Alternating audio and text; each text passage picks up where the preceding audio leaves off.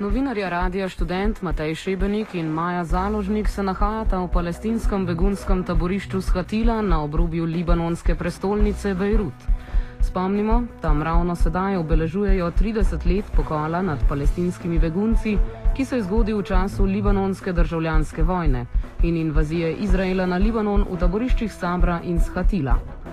Pokol je bil delno odgovoren na atentat na takrat novo izvoljenega predsednika Libanona, Bakhira Gemela, ki je izhajal iz skrajno desno usmerjene falangistične stranke, ki jo je podpirala največja krščanska ločina v Libanonu, Manoriti, kot tudi spletka veliko različnih interesov v regiji in dogodkov, ki so se dogajali v bližnji preteklosti pred letom 1982. Izrael je upal, da bo Gemjela proti utež palestinski osvobodilni organizaciji ki je bila močno prisotna v Libanonu. Po umoru Gemjele je Izrael zasedal zahodni Pejrut in obkolil taborišča Skatili in Sabra. Falangisti oziroma krščanske milice so se pod vodstvom Elije Hobejka, ki je bil bivši vodja libanonske obveščevalne službe, pričele približevati taboriščem.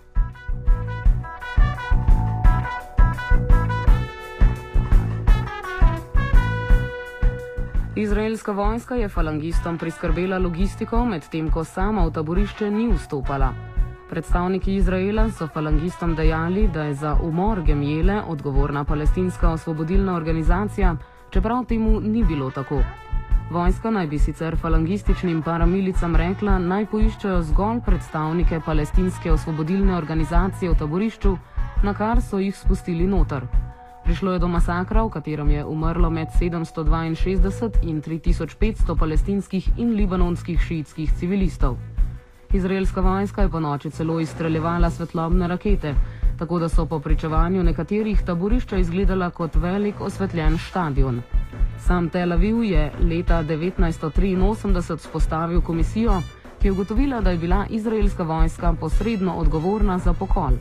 Medtem je leta 1982 neodvisna komisija pod vodstvom Shona McBrida v poročilu napisala, da je izraelska vojska posredno ali neposredno odgovorna za pokol.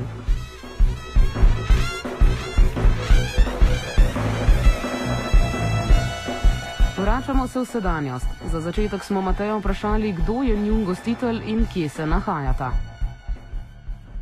Ne, mi pa se nahajamo trenutno v taborišču, torej v tem begunskem taborišču in sicer so najni gostitelji iz uh, palestinskega, uh, torej, uh, palestinskega otroškega in mladinskega centra.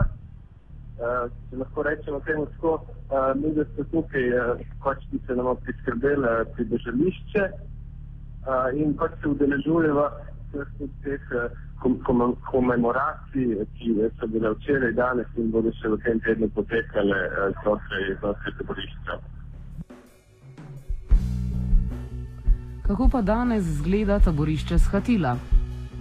Uh, ki je danes, uh, tako rečem, še vedno begunsko taborišče z vsemi običajnimi problemi, ki pritiče takim mestom, uh, torej veliko prenaseljenostjo, Eh, katastrofalno uh, infrastrukturo brez kakršne koli urbanizacije oziroma načrtovanja s slabimi vodovodnimi in kanalizacijskimi sistemi in tako naprej. In seveda pa je glavni problem prenaseljenost iz prvotnih 3000 palestinskih beguncev, ki so tukaj nekako ustanovili taborišče leta 1948, ko so seveda prišli po ustanovitvi države Izraela, je danes tukaj že približno 18 tisoč ljudi, seveda te številke so neuradne in uh, seveda nihče ne ve, koliko je tu kakšna tukaj točna oziroma dejanska slika.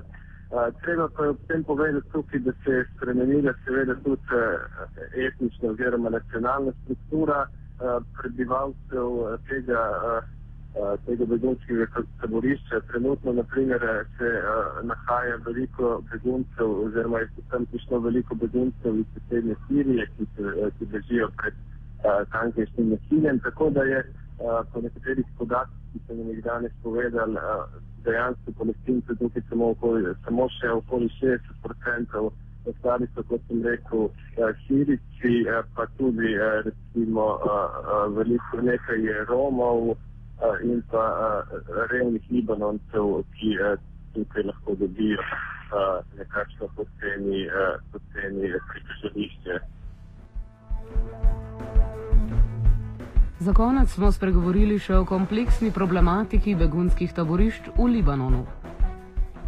Uh, ja, pač zdaj problematika taborišča je kompleksna in se nanaša na širšo sliko reševanja vprašanja palestinskih beguncev uh, povsod po regiji, uh, pri čemer je Libanon seveda eno glavnih žarišč, uh, kjer je v bistvu uh, največ uh, beguncev, palestinskih beguncev v regiji. Zdaj, uh, zakoni, ki veljajo v tej državi, naprimer, prepovedujejo širitev uh, begunskih taborišč uh, v, torej v, v, v, prostor, v prostornini, lahko se širijo samo znotraj obstoječih, obstoječih meja, uh, kar pomeni uh, konkretno tukaj, da se infrastruktura širi ne nadzorovano samo v višino, torej za nebo, torej da se stavbe dograjujejo pač na, uh, na, na samih vrhovih, da se samo dvigujejo. Uh, Eh, torej, palestinskih uh, begunskih taborišč v Libanonu uh, eh,